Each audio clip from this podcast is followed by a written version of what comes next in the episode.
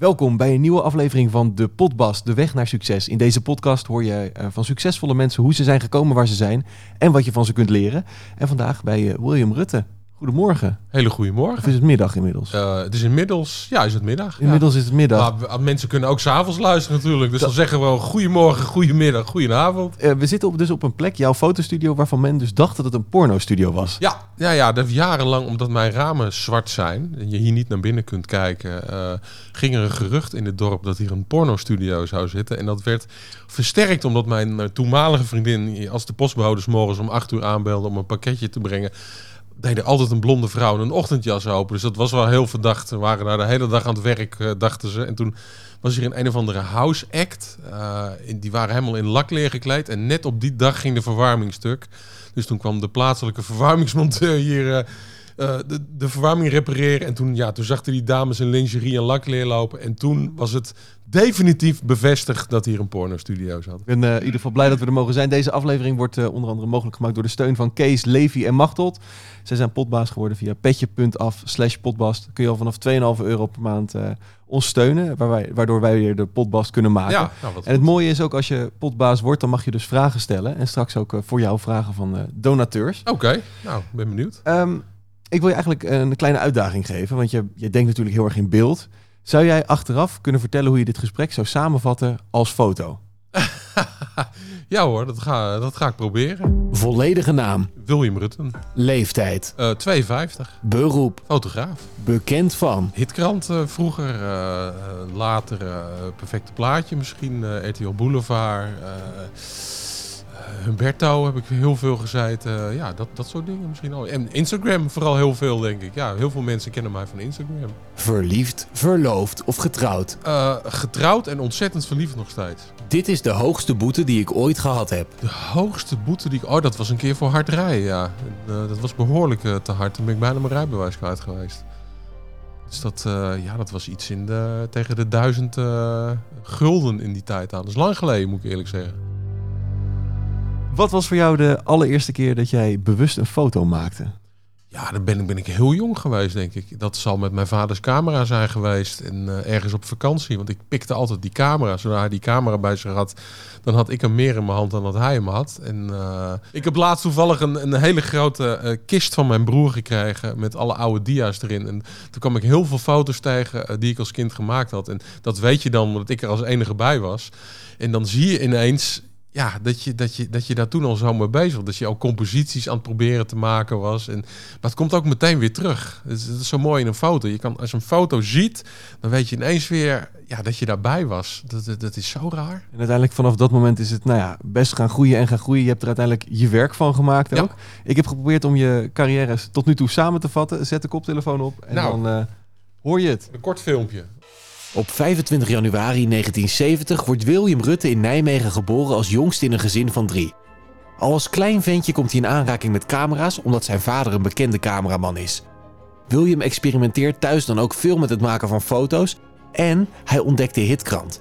Het lijkt hem geweldig om ooit voor dat blad te fotograferen. Vanaf dat moment zet hij alles op alles om deze droom te realiseren.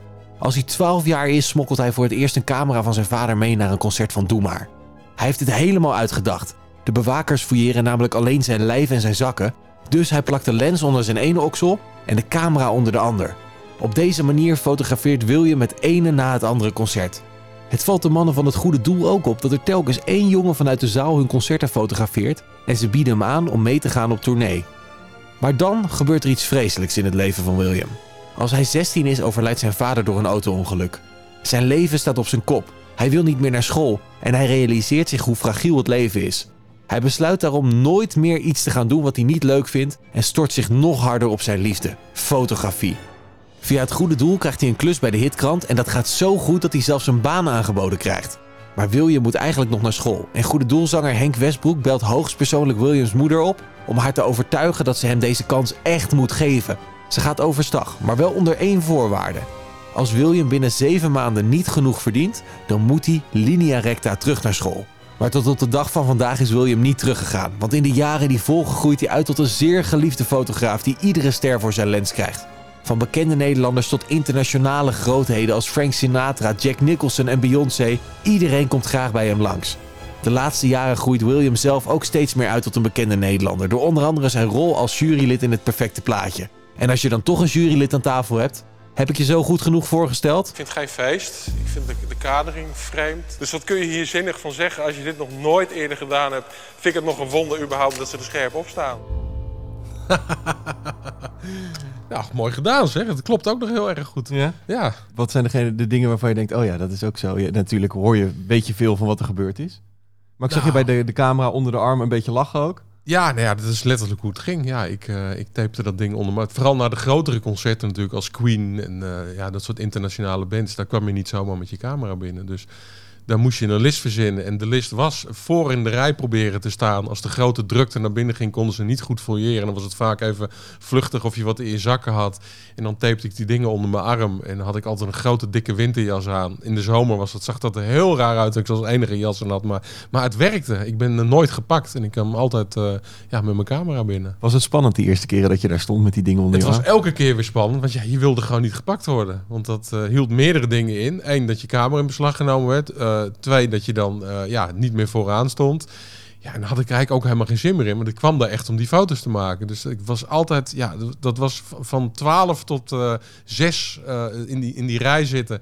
Buikpijn, zeg maar, van de zenuw. Van, oh god, als het maar lukt. En als je eenmaal vooraan was, oh, het is gelukkig weer gelukt. En als het eenmaal binnen was, dan, ja, dan, dan lukte het allemaal wel. Hoe keken de mensen om je heen naar je dat jij wel een camera mee had? Nee, het leuke was altijd dat mensen om je heen dat altijd helemaal te gek vonden. Weet je, je maakt ook wel wat deeltjes met mensen. Van, joh, die gaf die studie wel wat foto's op. Of eh, zorgen dat ze dan een beetje in de boel aan de gaten voor je hield en zo. Mensen gingen er eigenlijk altijd heel leuk mee om, moet ik zeggen. Je was nog een jonge gast natuurlijk. Ja, natuurlijk. Dat is een jong gastje met een camera. En ze vonden het altijd geweldig. Dat je even zo, wow, is je dat aan gelukt? En eh, ja, weet je, dat, dat, dat, een soort onderlinge eh, ja, respect of zo krijg je dan van die gasten dat het jou dan gelukt was. Maar gaat dat dan ook steeds verder? Dat je begint met die, die, die camera's onder je noem ik het maar. En daarna denk je, oké, dit is nu gelukt. Kijken of we nog een stapje verder kunnen. Ja, nou ja, je wordt natuurlijk steeds brutaler. Kijk, je begint dat je vanuit het publiek foto's wil maken. Maar op een gegeven moment wil je ook de kleedkamers inkomen. En ik, ik, ontdekte steeds meer plekken. Bijvoorbeeld eh, bij Vredenburg, Utrecht. Ja, daar zat best wel een slechte portier. En dat, op een gegeven moment merk je dat als je gewoon met een grote groep meeliep en je zwaaide... Dat, dat je ineens dan beneden backstage stond daar. En dat je gewoon alles kon vragen aan idolen, weet je. En dat je gewoon foto's kon maken, handtekeningen kon vragen. En, en dan zo weer wegliep. En op een gegeven moment kwam je daar zo vaak... dat die man, die had je zo vaak gezien, die dacht... nou. die zal er wel bij horen. En hetzelfde geldt hier bij het NOB. Ja, je kon die opnamestudio's heel makkelijk binnenkomen door ja, net te doen alsof je je neus bloedde. Ik zei dan altijd dat ik de fotograaf van Kippa was. Dat was een, een persbureau in die tijd. En ja, zo blufte ik mezelf naar binnen. En als je je tien keer gezien hadden, ja, dan was jij gewoon de fotograaf van Kippa en vroeg niemand daar meer om, weet je. Dus dat, dan vonden ze het raar als je een week niet geweest was. Hey, wil je me, moest je niks fotograferen deze week? Dus die hebben ook altijd gedacht, die portiers daar, dat ik daar gewoon gewerkt heb. Maar dat is nooit gecheckt of zo. Dat... Nooit gecheckt. Nee, nee. Eén keer heb ik gehad eh, dat ik er binnen stond te fotograferen en dat er een andere fotograaf binnenkwam. En ik zei, hoi, ik ben William van Kippa. Zei die, oh, dat is raar. Ik ben Hans van Kippa. En toen, eh, toen kneep ik hem wel even. Maar eh, ach- ik heb achteraf die fotograaf nooit meer gezien. Dus Misschien was hij ook dacht, een oplichter. Misschien had hij ook wel die truc gebruikt om zo binnen te komen. Ik heb die man nooit meer gezien. Dus het zou maar zo kunnen inderdaad. Waar is die liefde van fotografie ooit ontstaan? Want je zei al, hè, thuis met de Polaroid-camera. ehm, maar er is een moment geweest dat je dacht, dat vind ik leuk. Nou ja, ik, ik, ik pakte dat ding altijd eigenlijk al. Eh, die van mijn vader om vriendjes en vriendinnetjes te fotograferen. En ja, op mijn twaalfde kreeg ik van mijn moeder mijn eerste professionele camera. Een Canon AE1. En eh, ja, daar, daar begon de liefde eigenlijk. Ik ging diezelfde week al naar een concert van Doe Maar. En, en ik heb dat toen vastgelegd. En ja, dat, dat was magisch. Ik dacht, wauw, concertfotografie. En ik was een grote hitkrant fan. Dus ik dacht, dat lag voor mij wel echt zoiets van, nou ja, muziek fotograferen. En eh, in zo'n blad komen. En toch ook wel gelijk een commercieel dingetje. Want als ik die hitkrant zag, dan zag ik altijd ja, foto's van bijvoorbeeld van de Beatles uit de jaren 60. En dan dacht ik, wauw, het zijn de jaren 60 gemaakt. Die verkopen ze nog steeds. Ja. Dus je fotografeert iets wat je nog steeds kunt verkopen. Er heeft altijd wel een ondernemer in mij gezeten op een hele gekke manier. De allereerste foto die je ooit verkocht had, was aan eh, het goede doel, toch? Ja, de allereerste foto's die ik verkocht was eh, voor de LP-hoes eh, live eh, van het Goede Doel in 1987. Ik was toen 17 jaar oud en ik moest eigenlijk nog steeds terug naar school. Maar dit was mijn eerste klusje die ik in mijn schoot kreeg. Ik had eigenlijk voor de jongens als bedankje na een, een tournee... had ik een soort collage gemaakt. Dat ik heel kinderlijk zelf uitgeknipt met een, met een nagelschaartje. Ze allemaal leuk over elkaar heen geplakt. Daar weer een foto van gemaakt. En alle bandleden zo'n ding cadeau gegeven aan het einde van die tour. En toen, ja, dat vonden ze zo leuk dat ze zeiden van... joh, uh, misschien kunnen we daar iets mee doen, mee, mee in het album. En uh, toen ben ik gebeld door de baas van de platenschrijf. Ik even langs wilde komen. Toen kwam ik op kantoor langs. En toen lag op de tafel lag de voorkant van de LP-hoes van het Goede Doel. En dat was mijn collage. Hoe was dat? Jij loopt daar binnen. Ja, je bent 17 jaar oud, weet je. Je, hoop, je bent een groot fan van het Goede Doel. En dan staat jouw foto op die hoes. Dat was echt iets van wow. En ik dacht eerst nog, ja, dat zou wel een foutje zijn. Ja, naarmate het gesprek. Want ze hadden namelijk een fotograaf ook nog echt ingehuurd. Een professionele fotograaf om foto's voor de hoes te komen maken. Vanuit de platenmaatschappij. En dat was ook nog eens de broer van Anton Corbijn. Dus ik was ja, gigantisch uh, geïntimideerd natuurlijk. Van wow, weet je, de broer van Anton Corbijn. Want Anton Corbijn was een van mijn grote helden. Dus ja, dat had ik gewoon helemaal niet zien aankomen. En uiteindelijk kwam die hoes uit en er stonden vier postzegelfotootjes van de grote Corbijn in. En mijn, de rest mijn foto's stonden daar gigantisch groot in. Dus ja, een mooiere aftrap had ik me niet kunnen wensen op mijn 17 jaar oud. En ik kreeg ook nog eens 2000 gulden betaald. En ja, daar kon ik wel mee thuiskomen bij Is dat mijn veel moeder. of niet? Nee, die tijd was natuurlijk belachelijk veel voor jochie van 17. Dus ik zei, maar ik heb gewoon 2000 gulden heb ik verdiend. Dus mijn moeder had iets van, wow, dat neemt toch wel serieuze vorm aan. En dankzij die hoes kwam ik weer bij Hitkrant terecht. Ja, en toen begon het eigenlijk. En toen ging ik eigenlijk op een hele jonge leeftijd verschrikkelijk veel geld verdienen voor, voor zo'n jonge jongen. Dus dat was echt helemaal te gek. Ja, terwijl jouw vader altijd gezegd heeft van joh, daar is geen geld in te verdienen Ja. in die fotografie. En dat klopte ook in zijn visie, want hij, was, uh, uh, ja, hij stond altijd bovenop het nieuws. En er stonden dan die ANP-fotografen. Ja, die moest dat hebben dan van één momentje wat er gebeurde. Dat was dan één foto. En ja, dat ging dan vaak om, om een paar honderd gulden, weet je. Ja. En soms wel om 200 gulden, soms om 100 gulden. Het ging me net om hoe groot het nieuws was, zeg maar. En waar het, waar het een groot inkomen. Maar dat ging niet om grote bedragen. En die reden allemaal in oude auto's. En hadden allemaal hypotheken tot, uh, tot aan de maan, zeg maar. Dus hij is altijd, joh, die fotografie, er is geen droogbrood in te verdienen. Maar dat, dat was natuurlijk persfotografie. Ja. En ik, ja, ik had een veel commerciëlere instelling. Ik wilde juist heel graag ja, al die popbladen over de wereld staan. Ik wilde op cover staan, ik wilde op poster staan, ik wilde LP-hoezen maken. En ja, dat was mijn grote droom. Maar toen je vader dat zei, dacht je ook van, nou, misschien heeft hij wel een punt, ik moet wat anders gaan doen? Of was ja, het nee, gewoon... zeker. Ja, nee, want zijn droom was voor mij dat ik cameraman zou worden. En daar was ik eigenlijk al een beetje mee bezig om ja, in zijn voetsporen te treden. Het idee was eigenlijk dat hij op een gegeven moment zou stoppen. Hij zou een videomontagestudio beginnen. Ik zou daar dan de boel uh, qua camerawerk voor hem gaan overnemen. En dan... Uh, en mijn, en mijn uh, broer die was ook al die kant op het gaan. Uh, dus, dus ja, dat zat een soort familiebedrijf hebben worden. Maar ja, mijn, mijn liefde lag gewoon totaal niet bij het filmen. Ik, uh, ik weet nog dat ik dan met hun vaak meeging, of met mijn broer mee, of met mijn vader mee, om te helpen met geluid. Als er even geen geluidsman te krijgen was. Ja, dan had je wel zo'n kerkdienst voor de EO of zo, weet je. En ik heb in het begin nog wel eens met van die hele grote studiokamers, mocht ik dan een soort van stage lopen. Dat je dan bij Zeggers A of bij, bij Sesamstraat met zo'n grote camera stond. En dan was het medium, close, wijd, medium, close, wijd. Ja, meer deed daar niet scherp stellen en zeggen we wat je door je koptelefoon binnenkrijgt. Ja, ik vond dat helemaal niet boeiend. Mijn hart lag gewoon niet bij bewegend beeld. Nog steeds niet. Ik film nooit met mijn camera's terwijl iedereen roept, oh, daar kun je ook fantastisch mee filmen. Mijn hart ligt daar gewoon niet. Ik wil juist in een stilstaand beeld iets kunnen vertellen. Kijk, bewegend beeld uh, spreekt voor zich. Een, een stil beeld, daar kunnen mensen een verhaal bij maken. En dat vind ik zo mooi. Dat als ik een foto aan jou laat zien, kan je daar een heel ander verhaal bij maken dan dat ik er misschien bij maak. En dat vind ik de magie van een foto. Als je ergens een achtergrondje neerzet en, en daar een artiest voor zet, dan is het voor mensen gelijk van, oh, dat is in een studio. En dat hoeft natuurlijk helemaal niet. Dat kan ook in een hotelkamer zijn. Dat kan uh, uh, op het toilet ergens zijn. En dat vind ik zo mooi, dat je die hele andere wereld... Dus ik maakte af en toe ook wel eens een foto dat je de hele setting zat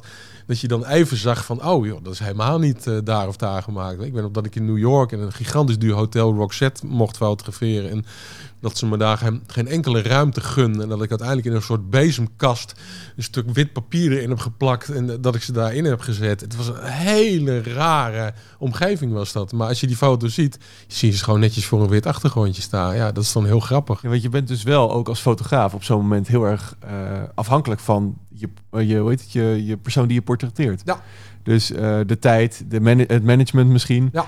Uh, hoe zorg je dat je daar dan ja, goed in mee kan gaan? Nou ja, je moet gewoon sowieso altijd zorgen uh, dat je niet uh, de vervelende, verwende fotograaf gaat uithangen. Want ja, die mensen die gaan op zo'n promotietour, ontmoeten ze tientallen fotografen. En als jij leuk en meegaand bent en je hebt een leuk idee verzonnen, vinden ze dat eigenlijk alleen maar hartstikke leuk. Als ze zien dat je goed voorbereid bent. Ik was altijd goed voorbereid. Ik kwam altijd met een enorme studio aan, terwijl mijn collega's vaak met een cameraatje kwamen. Soms nog een flitsertje erop. Tegen een witte muur, klak, klak, klak, stond ik daar met een volledige studio met zes of acht flitsers, verschillende achtergronden want ook toen dacht ik al commercieel, dacht ja, ik krijg een kwartier. Ik kan een kwartier natuurlijk drie verschillende foto's maken. Dus drie verschillende achtergronden. Voor ik even zo'n jasje uit wilde doen. Misschien nog een ander jasje bij zich hadden. Dan had ik eigenlijk drie shoots in dat kwartier. En die drie shoots kon ik weer aan drie verschillende klanten verkopen. Dus ja, daar, daar, was ik altijd veel meer mee bij. Je merkte aan zo'n artiest dat als je dat zo professioneel aanpakte, ze daar heel veel respect voor hadden. Want ze denken, oh, hij weet wat hij doet. Nou ja, hij, hij, ik wist inderdaad wat ik deed. Ik wist precies waar ik mee bezig was. En ik, ze zagen ook, ja, als hij drie dingen doet, krijg ik dus drie keer ook aandacht, weet je. Dus dat is natuurlijk voor zo'n artiest ook fijn. Want ja, ze staan promotie te doen. Ze willen zichzelf promoten. Heb je ook wel eens een idee aangedragen dat een artiest zei, nou, sorry, maar dit gaan we echt... Nou ja, ik weet een keer dat ik in het Amstelhotel aankwam dat ik Duran Duran moest fotograferen. En dat ik bedacht had om een kamer helemaal groen te verlichten. Ik had allemaal groene filters meegenomen, die hele ruimte groen uitverlicht. Zodat zij er dan uh, mooi in, in, gewoon licht daar dan in zouden staan. En uh, de keyboardspeler van Duran Duran, Nick Rhodes, komt binnen en die zegt, oh, I fucking hate green. Die heeft something else. En ik had niks anders bij me. Ik zei, uh, nee, ik heb Hij zei, ik vind groen echt afschuwelijk, want ik ben blond. En dat uh, interfereert met mijn huid. En uh, nee, ik vind groen echt afschuwelijk. Oké, ja, nou, toen heb ik het eraf moeten halen. En heb ik het nou opgelost met de kamer gewoon te verlichten zonder kleuren. Dus mijn idee ging er wel een beetje aan. Maar ja, het maakte, het maakte voor het blad helemaal niet uit. Die zagen het niet eens. Dus maar dan moet je dus ook snel schakelen ook als fotograaf. Ja, ja, dat moet soms. Ja, ik heb wel eens gehad dat je iemand buiten fotografeert en dat het dan te hard waait en de persoon zegt van ja, mijn hele haar waait door de war. Ik wil niet buiten. Ja, dan moet je dus in die soms vijf of tien minuten die je hebt, oké, dan gaan we naar binnen. Uh, waar gaan we het dan doen? Waar is er genoeg licht? Dus ja, dan moet je improviseren. En daar heb ik heel veel van geleerd. Ik word ook vaak gevraagd, juist omdat ik heel snel kan werken, omdat ik eigenlijk altijd moet improviseren in mijn werk. Je weet nooit waar je staat, je weet nooit wat voor omstandigheden. Mensen hebben altijd weinig tijd. Dus daar, uh, daar ben ik heel goed in geworden, in improviseren. Maar hoe kun je dat als, jonge fotograaf of als jonge maker? Dan heb je ook te maken met dat sommige dingen veranderen terwijl je aan het maken bent of aan het opnemen. Of uh, ook op ander werk denk ik dat, dat de ja, variabelen kunnen veranderen. Ja. Hoe kun je dan daar het best op inspelen? Altijd een plan B hebben? Of? Als ik ergens heen ging met een plan, dan werd het toch wat anders. Dus ik ben nooit meer plannen gaan verzinnen van tevoren. Ik ben naar de plek toe gegaan altijd. En me daar te Ik zorg altijd dat ik sowieso ergens dik een uur er van tevoren aanwezig ben. Zodat ik gewoon een uur de tijd heb om de ruimte even in me op te nemen. Even te kijken wat ik ga doen. En dan kun je eigenlijk heel snel schakelen. Als je weet waar je staat, ja, weet je ook wat je kunt doen. Dus. En als je dit allemaal hoort, dan denk je, nou, wil je met waarschijnlijk een gigantische opleiding gehad, maar je hebt geen opleiding gedaan. Nul opleidingen gedaan. Uh, Henk Westbroek heeft toen jouw moeder gebeld van joh, geef die jongen die kans bij die hitkrant, laat hem stoppen met school. Ja. Uh, goede keus geweest? daar ben ik mijn hele leven dankbaar voor. En uh, omdat het ook zo was. Ik denk als ik nog eens. Ik had een bloedhekel aan school. Ik had zelfs zo'n hekel aan school dat mijn moeder me naar school bracht. Omdat ze anders wist dat ik niet zou gaan, dat ik zou spijbelen. En dan nog zetten ze me bij de voordeur af, liep ik de voordeur in en liep ik de achterdeur er weer uit en ging ik spijbelen. Nee, school en ik was gewoon geen goede match. Ik, uh, ik heb nooit geboft met leraren op school. Uh, uh, ik vond school gewoon niet interessant. Het boeide me niet. Ik, er werden me geen dingen geleerd waar ik in, in mijn optiek iets aan had, behalve taal dan. Weet je, dat vond ik nog leuk. Ik dacht, ja, rekenen kun je ook met een rekenmachine. Geschiedenis, ja, dat kan ik ook in documentaires zien. Waarom moet het op school weer? Ik wilde gewoon heel graag fotograferen. En ja. ik spijbelde ook altijd om naar los vast te gaan of naar Hollands Glory of allerlei dingen waar artiesten kwamen om daar mensen vast te leggen of, of in de rij te gaan liggen bij een concert of uh, dat soort dingen. Dus ik wist gewoon al 100% zeker wat ik wilde worden. Maar werd daar toen ook gezegd van joh, met jou wordt het niks, omdat je nooit op school ja, was? Zeker. Nou ja, ik heb ooit een, uh, een leraar in de, in de zesde klas van de lagere school die mij vaak als voorbeeld voor in de klas zette van kijk naar hem, dan, uh, ja, dan zie je, je weet bij hem dat daar niks van terecht gaat komen. En wat natuurlijk enorm kwetsend is voor een jochie van 11, 12 jaar. En ja. dat uh, heb ik die man ook nooit vergeven, moet ik eerlijk zeggen. Maar eh, misschien heeft me dat ook wel harder laten vechten om te laten zien van joh, uh, fuck jou, ik, uh, ik, zou je, ik zou je een poepie laten ruiken. Ja, dat zou goed kunnen. Want eigenlijk vanaf ja, toen was ik 12 en op mijn 16e fotografeerde, op mijn 17e had ik al een baan bij Hitkrant. Dus. Heb je die leraar ook nog gesproken? Ik heb hem nog wel eens een keer gezien, ja. En ik weet nog dat ik hem toen een soort van klem heb gereden en heb gezegd van nou, het is toch wel goed met me terechtgekomen. Hè? En dat jij er in je dure Porsche reed en hij is... nee, ja, ik, ik reed wel in een Mercedes, moet ik eerlijk zeggen. Maar uh, ja, ik zag hem ineens fietsen in het dorp. En ik, kon, ik, kon, het, kon het niet laten om hem toch even, even toe te spreken. En hij, hij, hij kreeg ook helemaal geen bevredigend antwoord. Hij was een beetje aan het mompelen en hij was een beetje raar om zich heen aan het kijken. Maar het was een hele nare man. Die had uh, bij meer kinderen in de klas had hij de pik op. En dan vond hij dat leuk om die kinderen voor de klas voor gek te zetten. En dat, dat zou in deze tijd ondenkbaar zijn. Maar ik heb nog wel eens uh, later op een soort reunie daar met de kinderen over gehad in de klas. En die, die hebben allemaal dezelfde rare uh, relatie en rare ideeën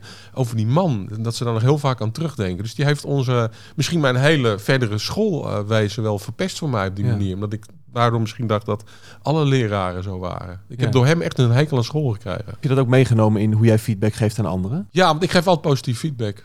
Ik, uh, als mensen mij feedback vragen, dan, dan vertel ik uh, alle goede dingen in de foto. En dan zeg ik daarna van, misschien zou je de volgende keer zou je hem iets rechter kunnen zetten. Of zorgen dat hij iets scherper is of zo. Maar ik, ik kijk wel op van die fotografenforums en dan zie ik wel als mensen iets helemaal afbranden. En ik van, ja jongens, weet je, dat is de manier, daar leer je ook niet van.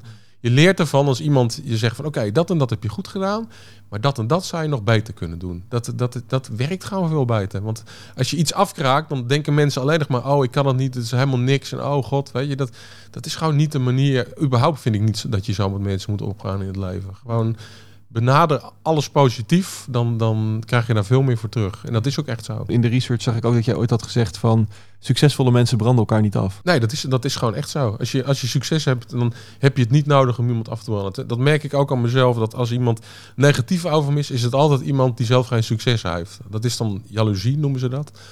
En uh, jaloezie is een hele slechte raadgever. Ja. Dat, uh, terwijl ik juist ben iemand, als ik van een collega een hele mooie foto zie, ben ik de allereerste die me een berichtje zou sturen van wow, wat een waanzinnig fout. En het grap is altijd dat ik dan terugkrijg, wow, dank je. Uh, nou, je bent de eerste collega ooit die me een compliment heeft gegeven. En ik had, wat is dat voor iets bekrompens?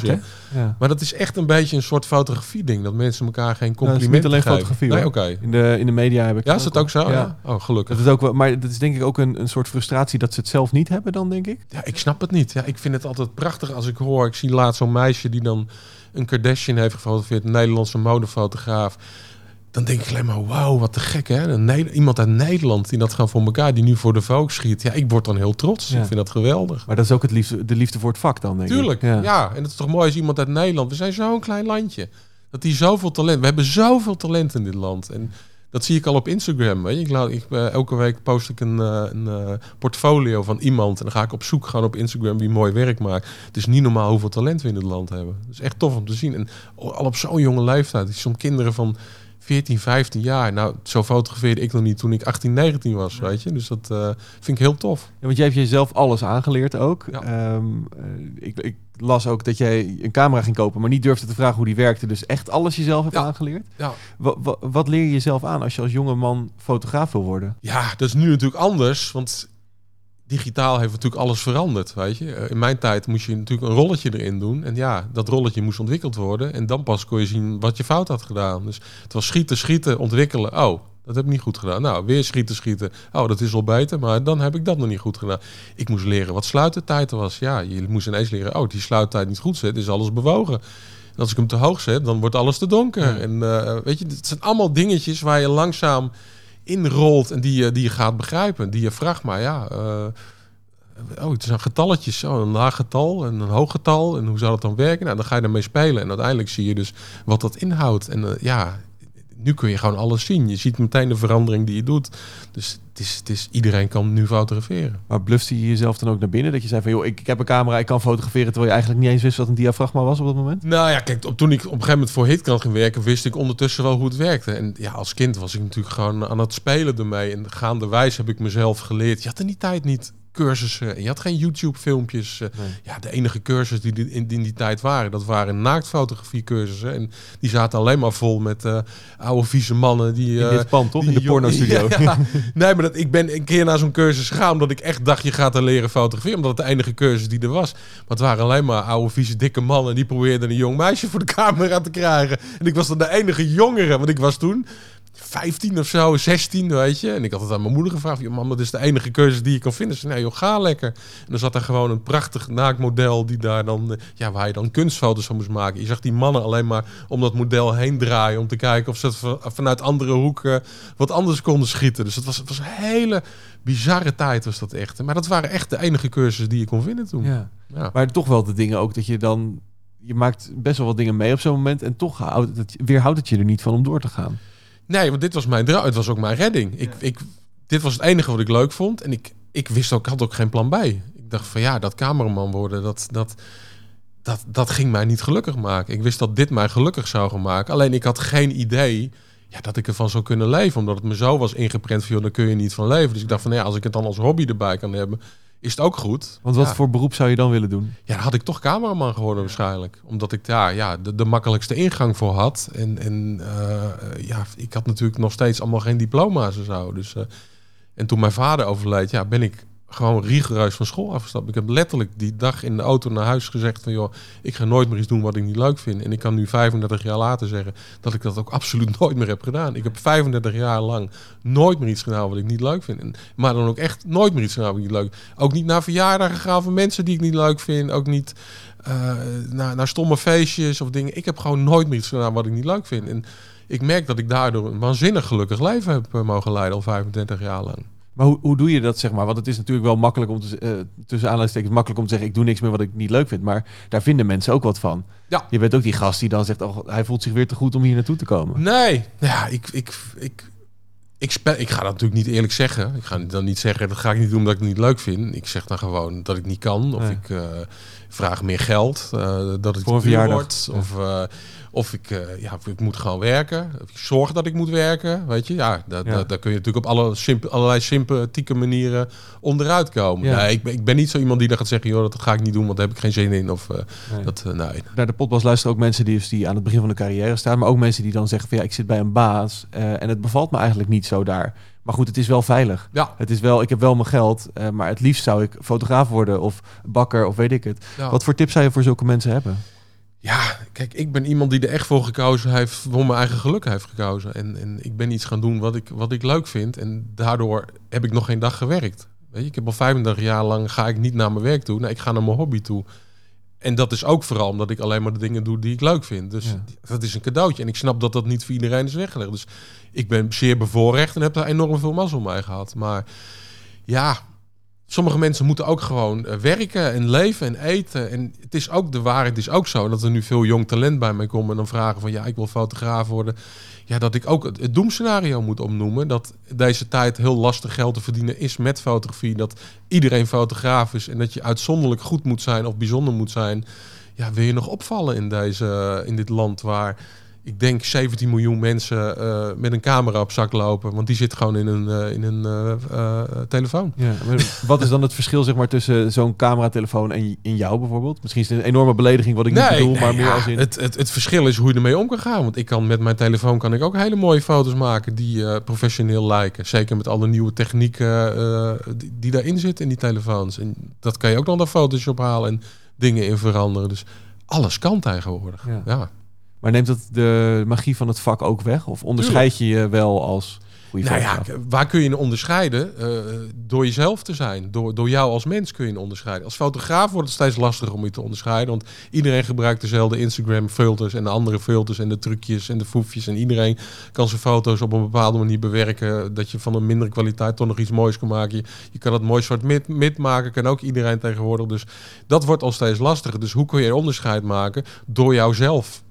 Door, door een betrouwbaar, leuk mens te zijn waar iedereen graag mee wil werken. Daar kun je het grote verschil mee maken. Ik heb ook nooit gezegd dat ik de beste fotograaf van Nederland zou willen worden. En dat heb ik ook nooit gewild. En dat ben ik ook helemaal niet. En ik, ik, er zijn honderdduizend fotografen die misschien technisch veel beter zijn dan mij. Alleen Eh, ik weet wel dat ik een prettig mens ben om mee te werken. Ik weet dat ik me aan, aan de afspraken hou. Ik zou nooit mensen naaien. Ik, eh, dat is veel belangrijker nog dan een goede fotograaf zijn. Een leuk mens zijn. Maar met leuk mens zijn kun je dus uiteindelijk geld verdienen. Tuurlijk. Ja. Nou ja, als mensen graag met jou werken.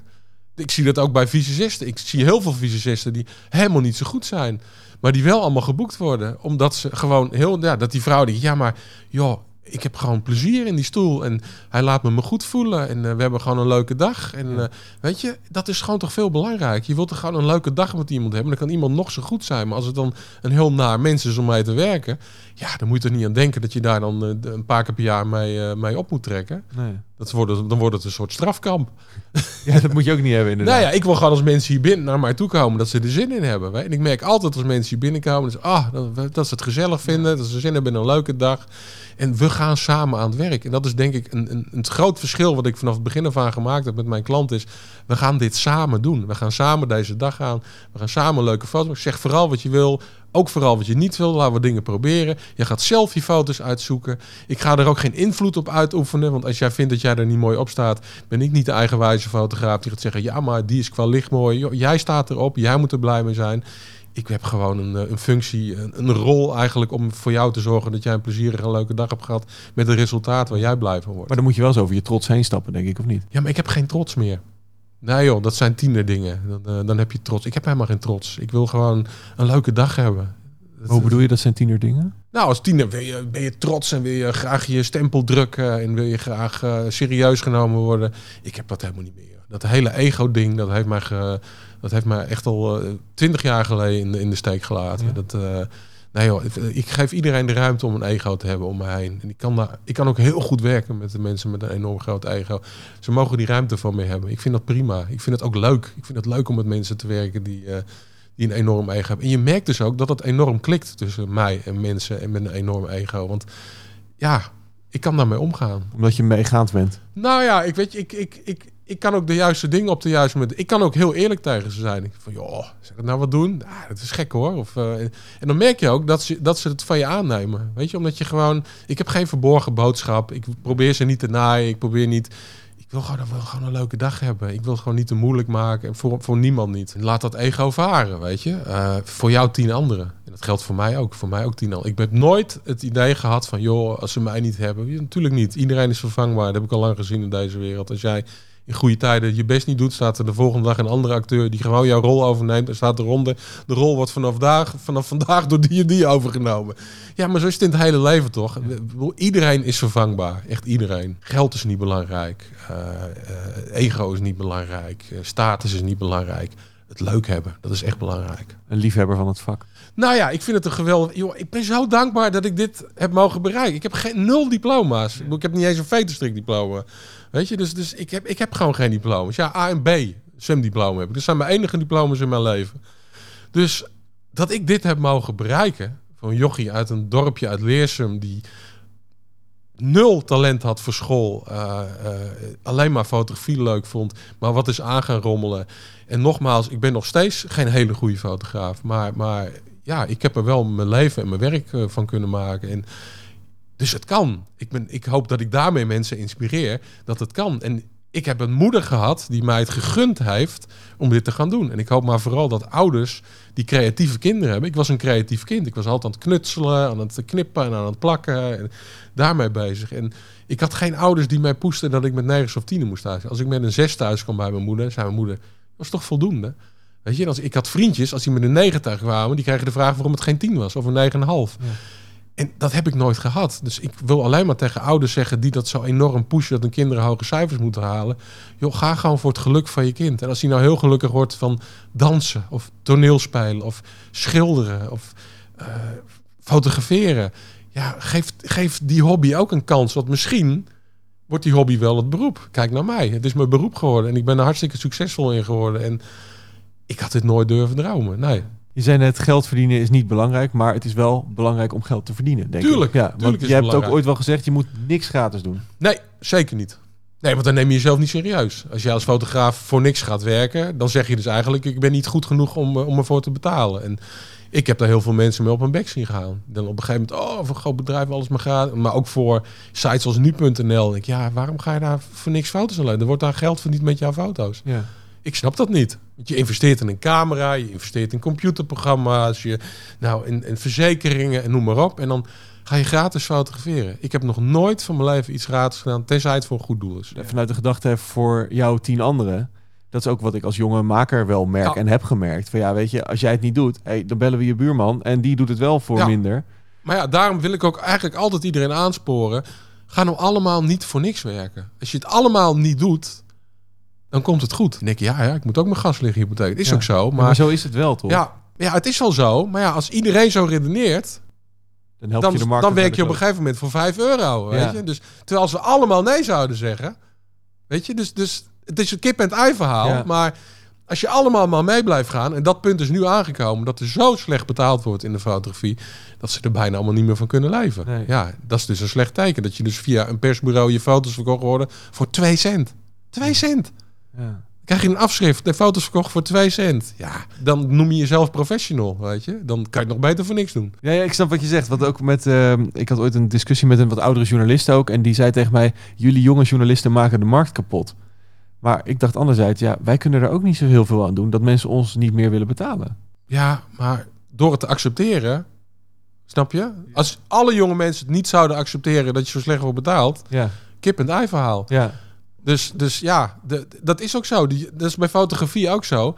Ze vinden het zo geweldig om in een tijdschrift te staan dat ze het wel voor niks willen doen. Ze vinden het zo geweldig om naar een concert te gaan dat ze het wel voor niks willen doen.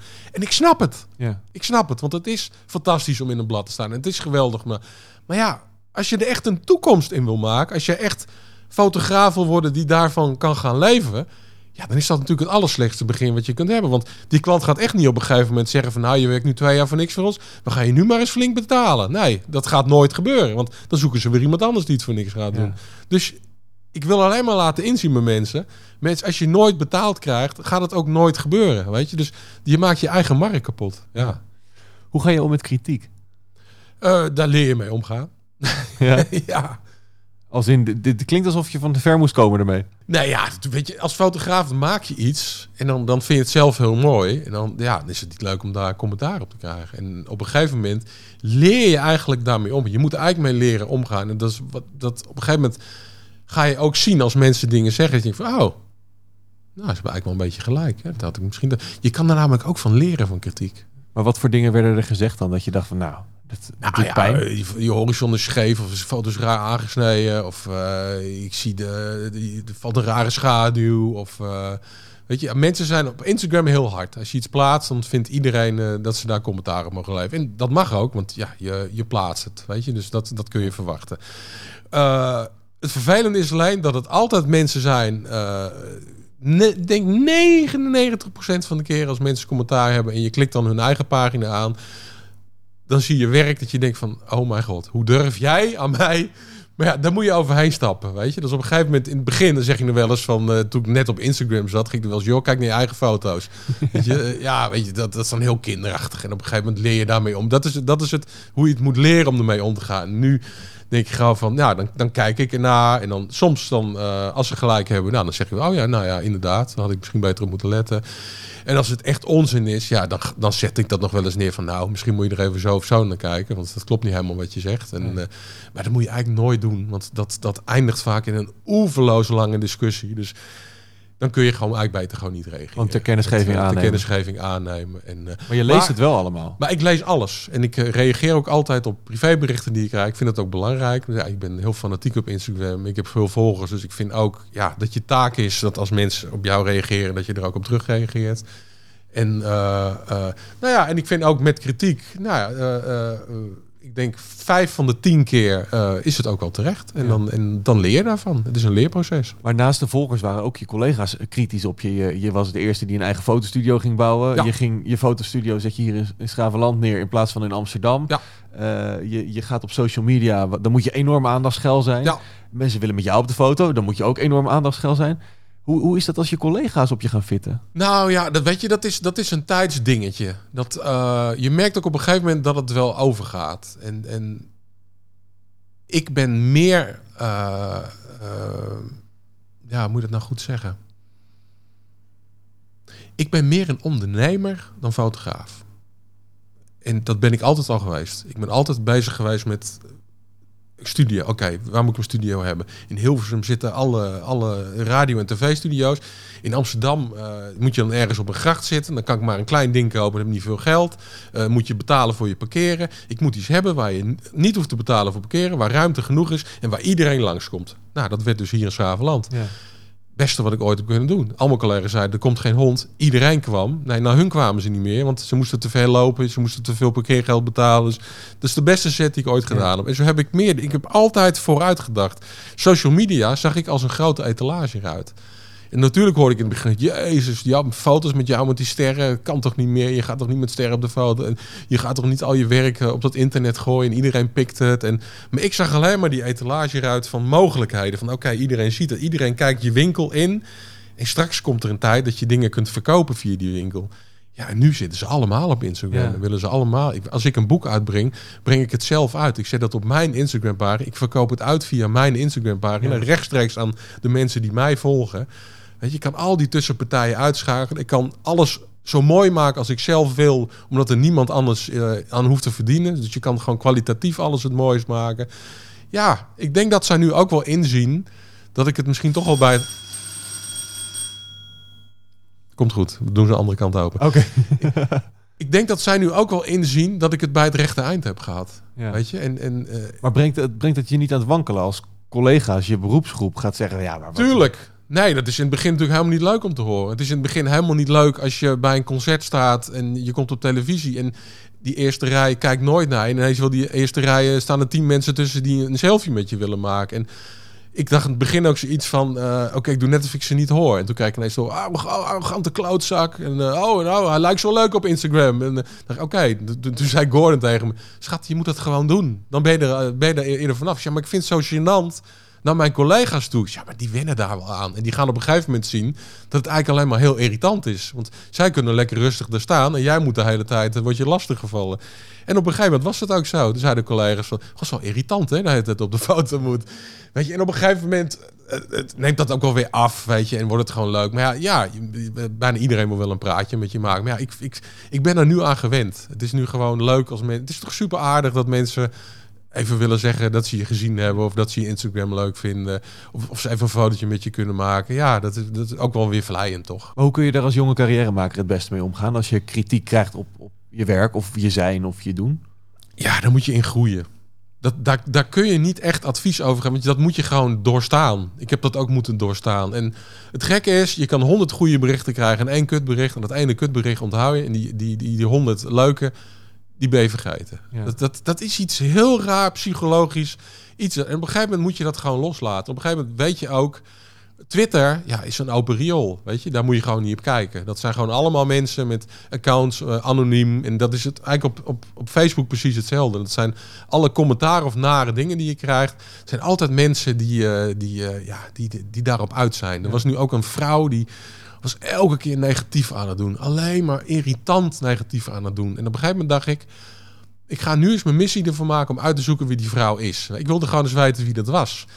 En ik, ik heb daar gewoon eens een dag ingestopt. En, en de grap is altijd dat je via, via, via altijd wel weer iemand kan vinden. En ik vond er. En het was een kunstenares, een vrouw uh, van middelbare leeftijd, die gewoon een hele zure inslag had. En gewoon er enorm van genoot om elke keer kwetsen of nare dingen neer te zetten. En op een gegeven moment, ik ga je er gewoon eens mee confronteren. En ik confronteerde ermee met een foto van haarzelf die ik had gevonden. En ja, en, de naam erbij gezet. En zei oh, je gaat me nu openbaren. En uh, dat mag niet. En uh, de privacywetgeving. Ik oh, dus je vindt dat niet zo leuk. En steeds haar naam er weer bij zetten.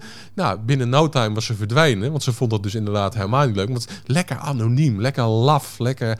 Weet je, dat zijn de mensen waarom ik ooit dat Be Nice or Leave voor heb opgericht. Uh, Zo'n actie die ik had om dat internet pesten tegen in te gaan. Als je dan zo flink bent, doe dat dan onder je eigen naam. Weet je, zet dan gewoon, ik ben die en die, ik kom daar en daar vandaan. En ik vind dit en dit van je, vind ik prima. Maar die anonieme lafaards, die met een een of ander bedachte achternaampje, voornaampje... en vaak een foto van, van een poes of een, eh, een hond... Ja, daar kan ik heel slecht tegen. Ja. Kan ik heel slecht tegen. Maar werktechnische kritiek? Maar dus als je dat als jonge carrière, als jonge carrièremaker krijgt van je, eh, van je baas of van collega's. Ja, maar van kritiek leer je. Ja. Het allermeest leer je van kritiek. Alle, de, de meeste wijze lessen heb ik geleerd van mensen die me bekritiseerden. En wat voor lessen waren dat?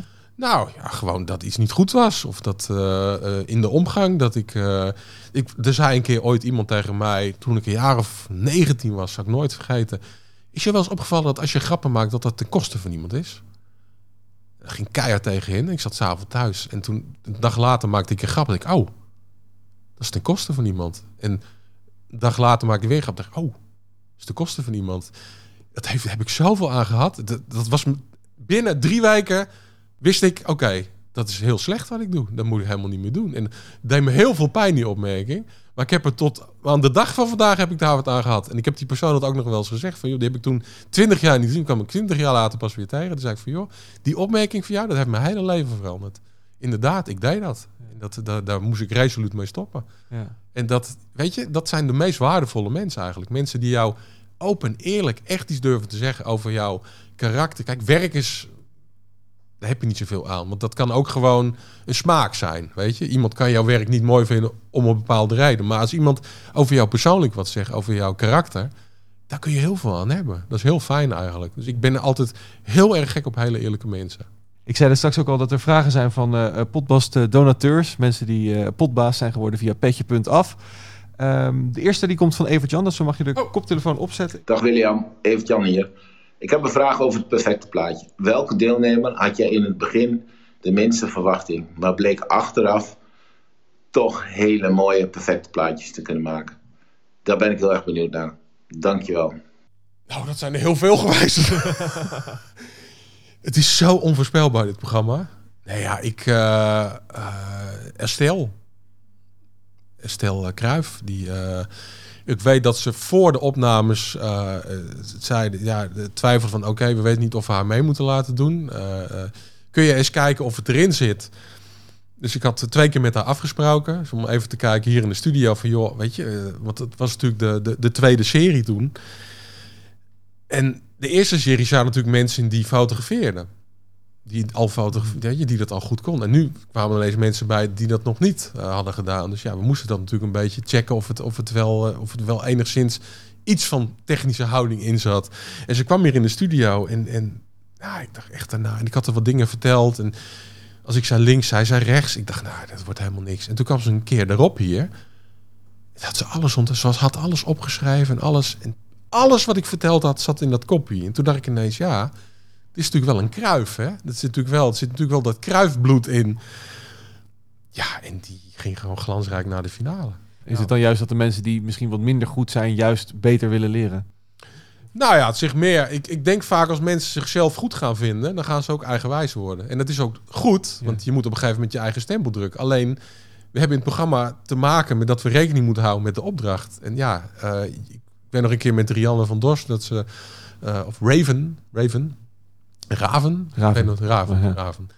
Eh, dat zij een foto in had geleverd. Het ging om de drukte in de stad in Amsterdam. Die had een foto van een lege fietstunnel gemaakt. Was, was geloof ik één fietser. Waanzinnige foto. Maar het was niet de opdracht. En zei ze van ja, dat is wel de mooiste foto. Ik zei dat klopt. Maar als ik jou wegstuur om een poes te fotograferen... en je komt terug met een foto van een hond... kan ik hem niet gebruiken als blad. Dus moet ik je terugsturen. Dus ja, dat was een hele bittere pil. En ze had gelijk. Ze had de mooiste foto gemaakt. Alleen, het was niet de opdracht. Maar wat je zegt ook met, met in jezelf gaan geloven en, en ego eh, daarin, zeg maar. Hoe, hoe voorkom je dat je eh, in jezelf gaat geloven en daar te vol van jezelf van wordt? Want dat is wel een verschil, toch? Ja, maar dat vind ik wel twee verschillende dingen. Ja. Kijk, eh, vertrouwen in, je, in jezelf hebben, dat vind ik wat anders dan een ego krijgen. Een ego is eigenlijk bijna altijd onzekerheid. Het is juist het tegenovergestelde. Het zijn altijd de mensen die een ego krijgen, zijn de mensen die doen alsof ze weten dat ze goed zijn, maar dan zijn ze het eigenlijk niet.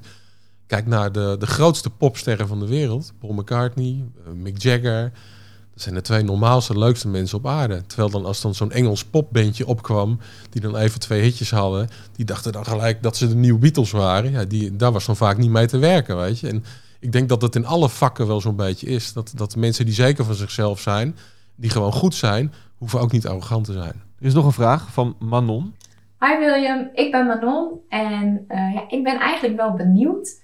Uh, je bent begonnen als uh, fotograaf bij concerten en je hebt daarna natuurlijk superveel bekende artiesten voor de lens gehad. Um, ik vraag me af welk fotoconcept je nou het allergaafst vindt en hoe je bij dat idee gekomen bent. De, de thee was er afgevallen op het eind. Ja, ik vond het Heroes concept. Ik had uh, voor Veronica Magazine uh, mocht ik uh, samen met hoofdredacteur destijds Rens Muller en kunstenaar Mark, Marco Lab. met, met, met dat driespan mochten we een serie maken dat we twaalf BN'ers transformeerden naar hun hero, hun held. Ja, dat was fantastisch. Dat was alleen al om die mensen zover te krijgen dat ze dat dan wilden doen. We hadden bijvoorbeeld John Kraaikamp die als uh, Albert Einstein op de foto ging. Gerrit Joling als uh, uh, Indiana Jones. Geert Wilders hadden we er ook in als Michiel de Ruiter. Wow. nou ja, een, een, een, enorme bond. Edwin Evers als John en Joko. En nou, zo kan ik wel even doorgaan. Twaalf waanzinnige namen. André van Duin als de dikke en de dunne. Hij was allebei.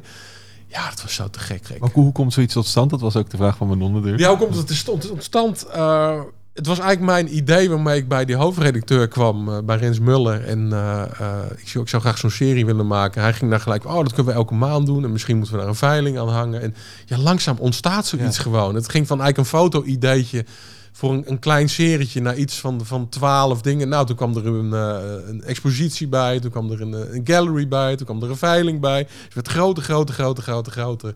Ja, en het werd uiteindelijk ook nog een kalender. Dus ja, dat is helemaal te gek. Mocht jij in de volgende afleveringen ook een vraag willen stellen, wordt dan potbaast uh, via petje.af slash potbast. Kan dus al vanaf 2,5 euro per maand. En dan help je de potbast te overleven in deze dure tijden. Nou, hartstikke goed doen mensen. En stel, de jonge William die spreekt jou aan. Bijvoorbeeld bij dat concert van Doe Maar, waar die uh, die dingen onder zijn arm had geplakt. En die vraagt aan jou, William, ik kijk zo naar jou. Je hebt die hele eigen fotostudio. Hoe word ik zo succesvol als jij? Wat zou je hem zeggen? Ondernemen ja, dingen gaan niet vanzelf. Bij mij is niks vanzelf gegaan. Ik ben altijd heel ondernemend geweest. Risico's durven nemen, uh, investeren. Uh, ik geef niet, ik heb geen horloges, ik heb geen ringen, ik heb geen dure. Ik, daar geef ik. Ik rijd niet in een belachelijke auto of zo.